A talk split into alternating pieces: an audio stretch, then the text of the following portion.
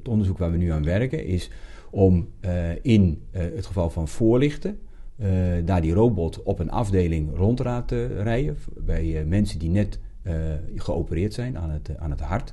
En eigenlijk aan die mensen zelf en aan hun familieleden voorlichting te geven. Fontis is niet alleen een hogeschool, maar ook een kennis- en onderzoekscentrum. Op deze vier domeinen: educatie, economie, mensenmaatschappij en techniek. Zo'n 40 lectoren geven binnen Fontis richting aan het onderzoek dat op deze gebieden plaatsvindt. In deze serie podcast spreek ik met hen over hun onderzoek en hun gedrevenheid, maar ook over waar de innovaties die eruit voortkomen zichtbaar zijn in ons leven. Mijn naam is Bart Gieraerts. Leuk dat je luistert naar Fontis Onderzoekt.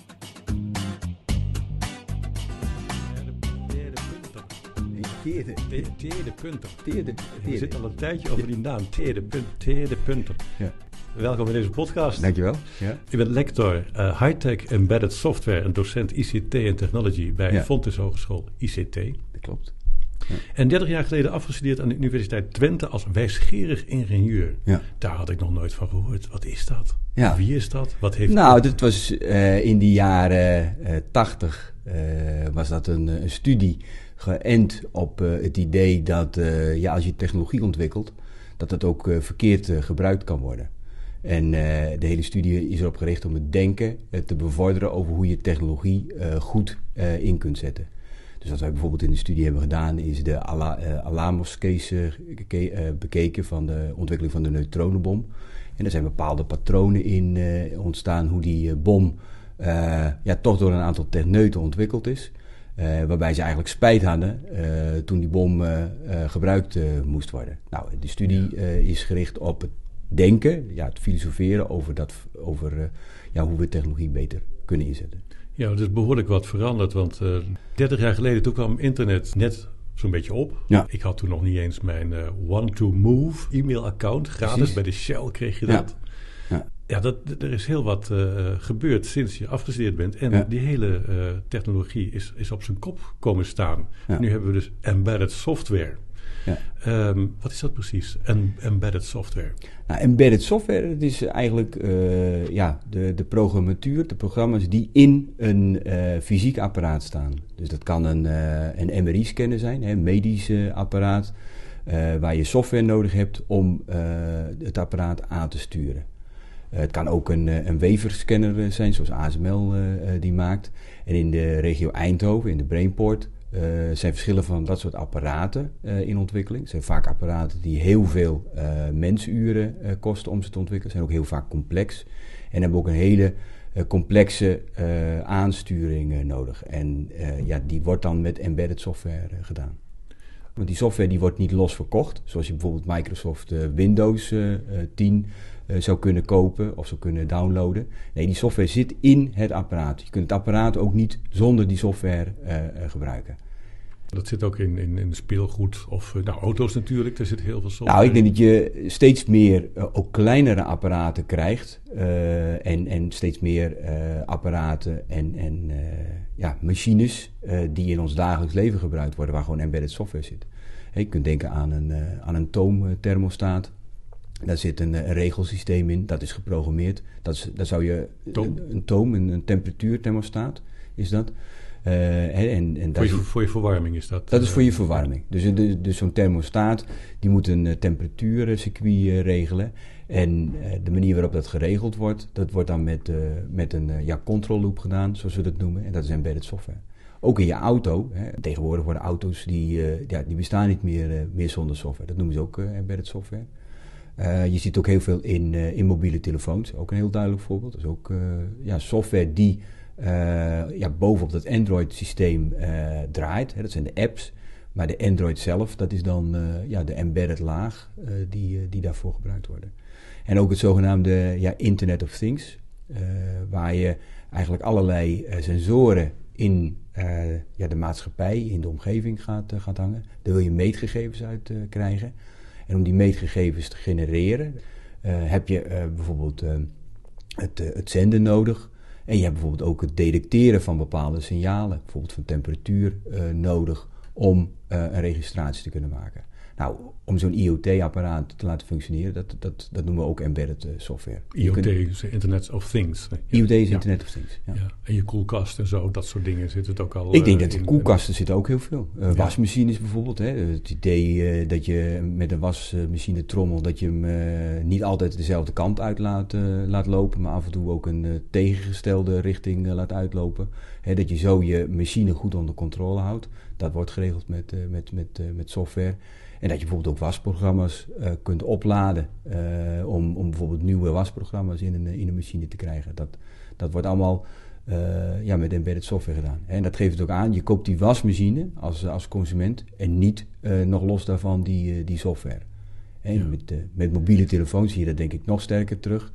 En daar koop je een Android-telefoon en ja, af en toe word je verplicht, afhankelijk van het merk, om, dat, om die software te uploaden bij te werken. Ja. En uh, ja, dat, dat, dat heeft allemaal uh, betrekking op het functioneren van dat, uh, van dat apparaat. Maar wanneer was het nou dat deze wijsgerige ingenieur erachter kwam van ik wil hier gewoon van dit onderwerp alles weten?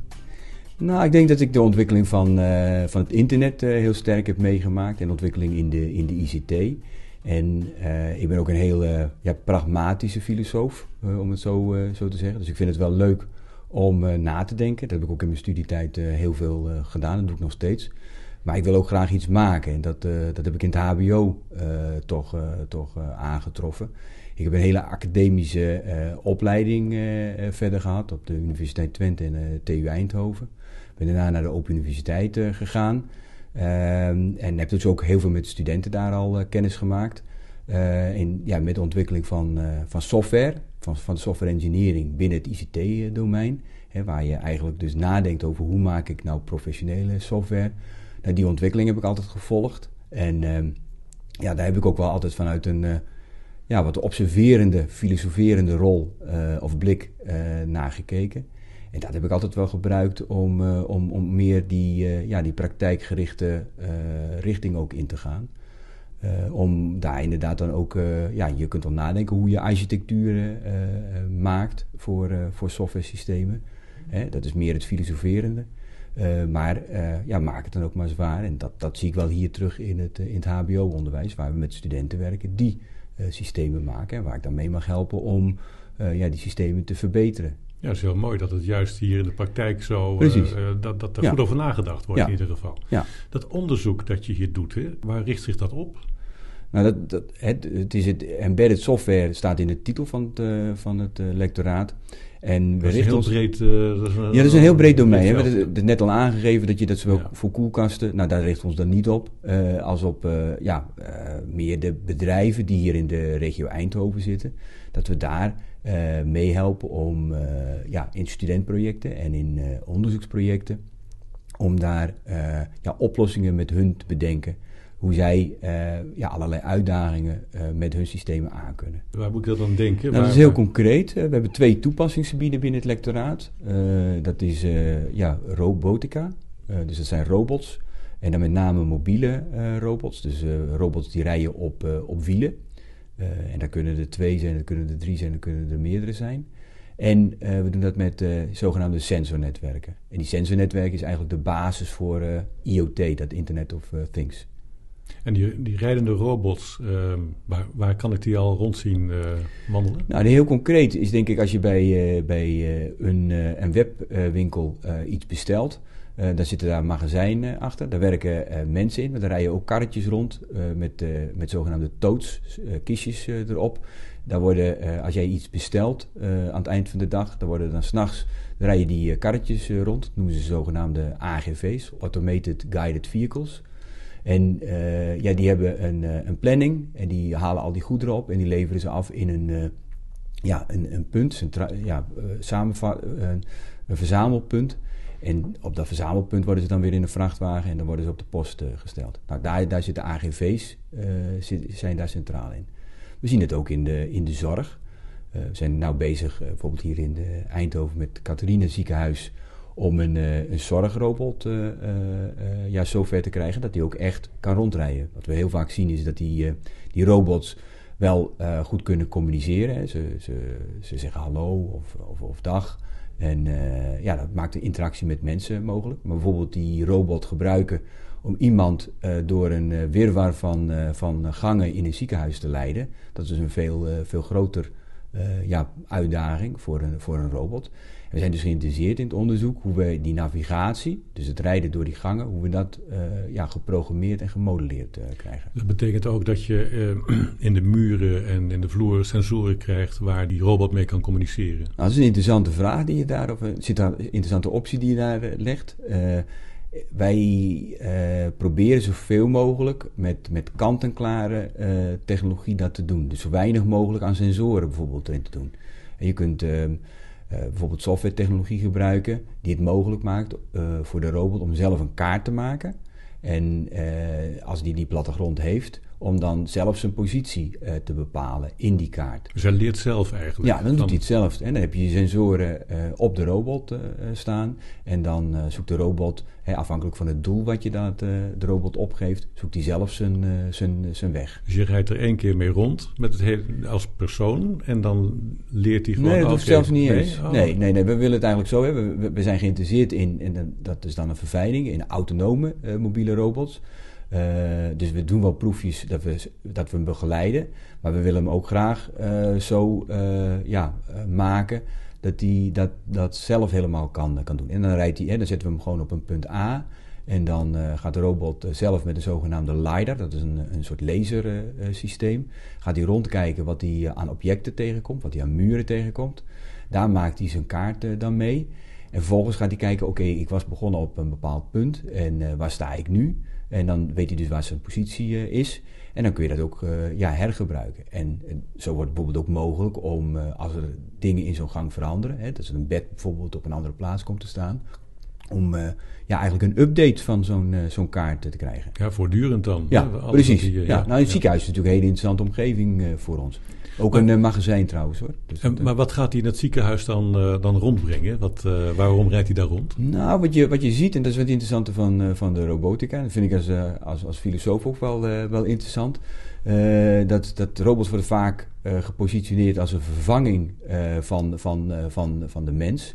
En waar, je, uh, eigenlijk, waar wij eigenlijk als lectoraat mee bezig zijn, is dat we robots positioneren als een, uh, een add-on, uh, als een toevoeging op menselijke arbeid. En bijvoorbeeld het ziekenhuis is eigenlijk een hele drukke organisatie. Je hoort heel veel verhalen uit de zorg dat er mensen onder, onder druk staan, dat er altijd tijdgebrek is.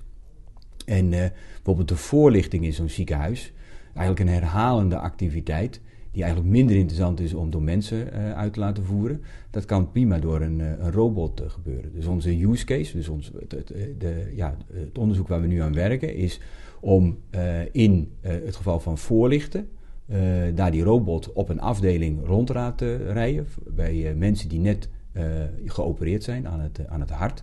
En eigenlijk aan die mensen zelf en aan hun familieleden voorlichting te geven. Dus maar dat is toch iets wat je juist dat wil je juist door een mens uh, gedaan ja, dat is het interessante. Uh, dus dat, dat, maar dat vind ik onderzoeksmatig. Hè. Er, zit een, er zit een soort tegenstrijdigheid uh, in. ik denk dat je, als je, als je dat nu niet voor elkaar krijgt, hè, want dat, dat is eigenlijk de situatie in zo'n zo'n ziekenhuis. dan zou je dat eigenlijk wel met die robot in ieder geval voor elkaar kunnen krijgen. En dan kun je ook nadenken over hoe je dat bijvoorbeeld uh, weer kunt, uh, kunt, uh, kunt verbeteren door mensen daar weer in te laten acteren. Want waar, waar, waar, loopt het nu, denk ik, op stuk? Is dat het heel vaak hetzelfde verhaal vertellen is aan, aan mensen. Nou, die repeterende taken, daar, daar is het denk ik heel interessant om daar robots voor, voor maar te gebruiken. Even voor mijn begrip, ja. het zijn repeterende taken, ja. maar voor de patiënt, dat is een once in a lifetime dat hij ja, een hartoperatie meemaakt. Ik snap wel dat het repeterend is voor die robot, maar voor de patiënt ligt het natuurlijk heel anders. Nou, ik denk dat, dat, dat daar een, een uh, dat snap ik ook. Uh, we, we, zijn natuurlijk met onderzoek bezig, dus dat eerst. Hè, we zijn ook aan het kijken, we willen natuurlijk een optimale uh, oplossing. En wat wij nu zien in het ziekenhuis, is dat een, een, een, robot daar hele positieve effecten heeft. We, we gebruiken een standaard robot uh, qua hardware. En wij programmeren de software. En we zien dat die uh, robot een bepaalde aantrekkingskracht heeft. Dus Dat, op de patiënt. Ja. Dat zijn positieve resultaten. Mensen zijn er tevreden ja, Ik moet er voorzichtig mee zijn. Hè, want wij, wij zijn, dit, dit onderzoek hebben we een jaar geleden gestart. dus we hebben nu in februari hebben we daar een, een eerste try-out mee gedaan. En, en, en die is heel positief gevallen. Um, daarbij komt, wij zijn natuurlijk, uiteindelijk zijn we softwareontwikkelaars. Dus dat, daar komt een ander aspect in, het, in het onderzoek kijken. Ik probeer ook altijd met, met andere disciplines daarin samen te werken. Dus het kan best zijn dat we dit onderzoek, om, dit echt, hè, om er echt een uitspraak over te doen, of dat echt goed valt, om dat ook nog met andere disciplines te doen, die daar ook een uitspraak over doen. Wat wij nu zien is dat er heel veel over robots gesproken wordt, hè, en, uh, maar dat er heel weinig voorbeelden van, uh, van zijn in de, in, in de zorg. Nou, die, die leemt die willen we eigenlijk opvullen met dat, uh, met dat project. Dus dat, dat tweede veld waren die... Uh, die sensornetwerken. sensornetwerken, de IoT, uh, Internet of Things uh, software die jullie, waar jullie in zitten. Ja. hoe ziet dat eruit? Wat, wat voor veld bespeel je daar? Nou, dan gaan we in op het verbinden van kleine computertjes met elkaar. En die, die computertjes noemen we ook wel nodes. En die zenden uit uh, via een uh, bepaalde ja, frequentie. Een nodus? Dat zijn... Een nodus is gewoon, dat noemen we, dat is, dat, is een, dat is de term die we gebruiken bij IoT om een, uh, ja, eigenlijk een computertje die iets kan registreren, aan te duiden en dat die, dat die node ook met radiofrequentie iets kan zenden. En je, heel, heel, heel, heel zichtbaar is dat bijvoorbeeld met, met wifi, wifi. Uh, waar je uh, met een bepaalde golflengte zendt. Dat is een node. In mijn, nou, de, de manier, een node uh, zendt dan bijvoorbeeld met wifi uit. Maar je hebt bijvoorbeeld ook bluetooth waarmee die iets uitzendt. En je hebt allerlei radiomechanismes waarmee zo'n node iets uit kan, kan zenden. Nou, ons onderzoek is, is erop gericht om te kijken wat nou de best passende node is voor ja, het systeem wat je wil maken. Hè. we zijn bijvoorbeeld bezig met een, met een luchtwasser. Uh, we zijn ook bezig met uh, geweest lucht, met... De... Lucht, uh, luchtververser, luchtwasser, ja. die, die, die, luchtreiniger eigenlijk. Ja, dat is een luchtwasser die, die wordt ontwikkeld voor de, voor de agro-industrie. waar je te maken hebt met, met dieren die in, in stallen leven. En waar een bepaalde vervuiling van lucht optreedt. Nou, in Brabant heb je daar heel veel, ja, hebben we daar heel veel ervaring mee. Niet alleen binnen de stallen. Nee, dat denk ik ook niet, nee. Nee, maar wat we zien met zo'n luchtwasser is, uh, wij maken dan zelf niet die luchtwasser. Maar wij willen wel weten wat de effectiviteit van die luchtwasser in zo'n stal is. En daar maken we dan een IoT-systeem uh, voor. En het interessante van dat onderzoek is dat het daar over heel veel metingen gaat. We willen bijvoorbeeld de temperatuur meten in zo'n zo'n zo'n systeem.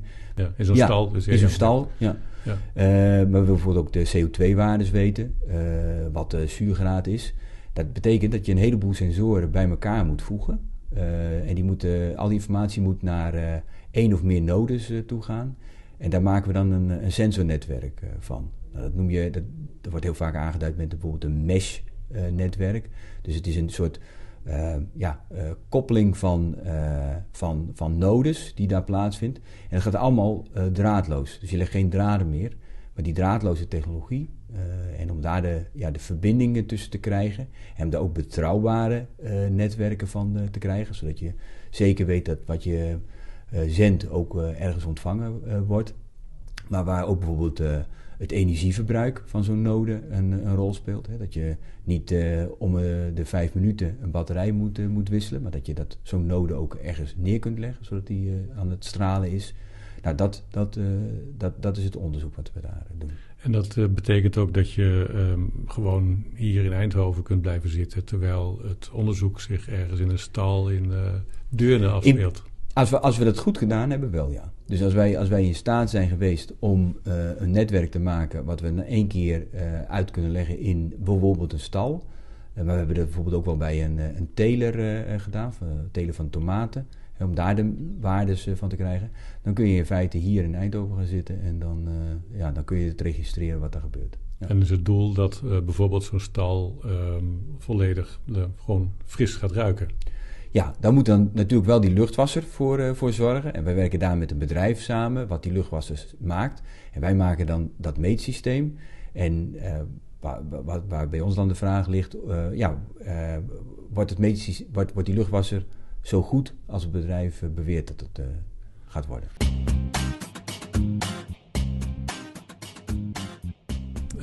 we hadden het net al over, je bent wijsgerig ingenieur. Ja? Ehm, wat zijn nou eigenlijk op je vakgebieden de interessantste filosofische vragen die je tegenkomt? Waar je als filosoof denkt van, hé, hey, ja. dat is een mooi gebied. Daar moeten we nog meer over nadenken. Nou, ik denk dat, dat uh, het thema uh, op het gebied van robotica en, en van sensornetwerken is uh, ja, het, het verhaal rondom autonome systemen. En dat komt terug in de, in de maatschappij. kunnen robots de mens vervangen? Nou, dat is een hele grote vraag. En dat is ook een vraag die heel vaak met ja, allerlei waarschuwingen omgeven wordt. En, zijn die terecht, vind je? Nou, voor een deel zijn die terecht. En de, de, wat, wat, is het, wat is het? Wat is de, de, de meest terechte waarschuwing? Nou, ik denk dat, dat de, de, vraag die we net ook al bespraken van in de zorg, van welk, welke arbeid wil je wel door robots laten doen en welke niet. En het, het, simpel zeggen van nou, ik doe alles wat, wat, wat makkelijk kan door een, door een robot. Dat geeft natuurlijk wel een, een bepaalde ehm, ja, nadelige effecten op, op onze maatschappij. Ik denk dat het op zich zo moet zijn dat in een maatschappij iedereen aan bod moet kunnen komen met zijn niveau van, van arbeid. En door alleen te zeggen dat simpele arbeid vervangen wordt door robots, dan vind ik te kort door de bocht. Daar zou ik ook niet aan mee willen willen werken. Ik denk wel dat er verbeteringen in arbeidsomstandigheden zijn. En daar zie ik het positieve effect van, van robots optreden. Um, ja. En als je dan kijkt naar de zorg, wat is nou um, een ontwikkeling dat je denkt, nou die kant moeten we dus beslist niet opgaan? Ja, daar moet ik wel even over nadenken. Dat, dat, dat, dat, ben voor opgeleid, toch? Ja, daar ben ik voor opgeleid, absoluut. Maar ik ben er ook voor opgeleid om het antwoord niet te geven als ik het niet weet. Ja. Die, eh, die overvraag je me. Ja. Ja, wat voor kant we niet op moeten gaan. En als je kijkt naar de uh, die Internet of Things, hè, wat, wat daar allemaal uh, speelt. Mm -hmm. Wat voor ontwikkelingen, waar maak jij je daar zorgen over op dat gebied? Nou, met, als je uh, allerlei sensornetwerken uitrolt en je gaat allerlei meetgegevens opvragen, dan betekent dat dat je ook heel veel kunt weten wat je eigenlijk ja, als privacygevoelige informatie kunt, kunt, kunt zien. Dus ik denk dat je daar een, een, een soort afweging hebt tussen wat, wat, wat, wat wil ik nou echt meten om, om, om, om iets, om ergens mee vooruit te gaan. En wat heb ik nou echt nodig om, om, om te meten? En daar, daar, daar, daar, daar blijft een uh, techneuten, hè, en dat is in de positieve zin des woords, hebben natuurlijk de neiging om alles wat ze kunnen meten ook meetbaar te maken. Ik denk dat je toch een, een, een, een uh, een discussie met, met, uh, moet, moet hebben van is dat wel uh, goed om dat zo te meten. Hè? Want je kunt dingen meten waarvan, waarvan je in eerste instantie denkt van nou dat is dus geen probleem. Maar waar je later spijt van kunt, van kunt hebben. En hoe kijk je zelf naar je, je eigen leven? Hoe richt je dat in? Waar, waar ben je van nou dat geef ik niet, dat, daar ben ik niet op aangesloten of dat systeem wil ik niet in mijn, in mijn huishouden bijvoorbeeld? Nou, ik, als ik naar mijn privéleven kijk, dan zorg ik altijd wel dat ik uh, nog uh, kan loskomen van het internet. Uh, dus als mijn server down gaat, dan kan ik bijvoorbeeld mijn data nog, nog, nog terugvinden. Als ik kijk naar wat ik vrij wil geven, is dat ik niet op Facebook zit. Ik, ik, kijk ook wel heel ja, strikt naar wat voor data ik wil afgeven. Ja, telkens als je zo'n uh, cookie-verzoek krijgt, uh, ja, je dan... Ik vrees dat ik daar wel... ja, ik ben daar lang mee bezig. Ja. En een Tesla heb je al? Nee, ik heb geen Tesla. Dat, dat laat een lekte salaris niet over. Oh. Nee, maar qua verbondenheid met allerlei systemen. Nou, je... daar, daar, daar zit precies ook een ambivalentie voor mij. Het is, het is natuurlijk heel interessant dat elektrisch rijden. maar die, bakku, of die, die batterijen-accu's hebben natuurlijk ook een bepaalde impact op, uh, op, op het wezen. Dus ik, ik, geloof meer in dat ik mijn mobiliteit met natuurkracht, met mijn eigen lichaam aan kan en dat ik ja, minder, minder auto rijd. Met welke vraagstukken gaan jouw studenten zich over 10, 20 jaar bezighouden? Dat is een hele lange termijn. Ik kijk wel graag op de korte termijn. Want vijf ik zie, jaar?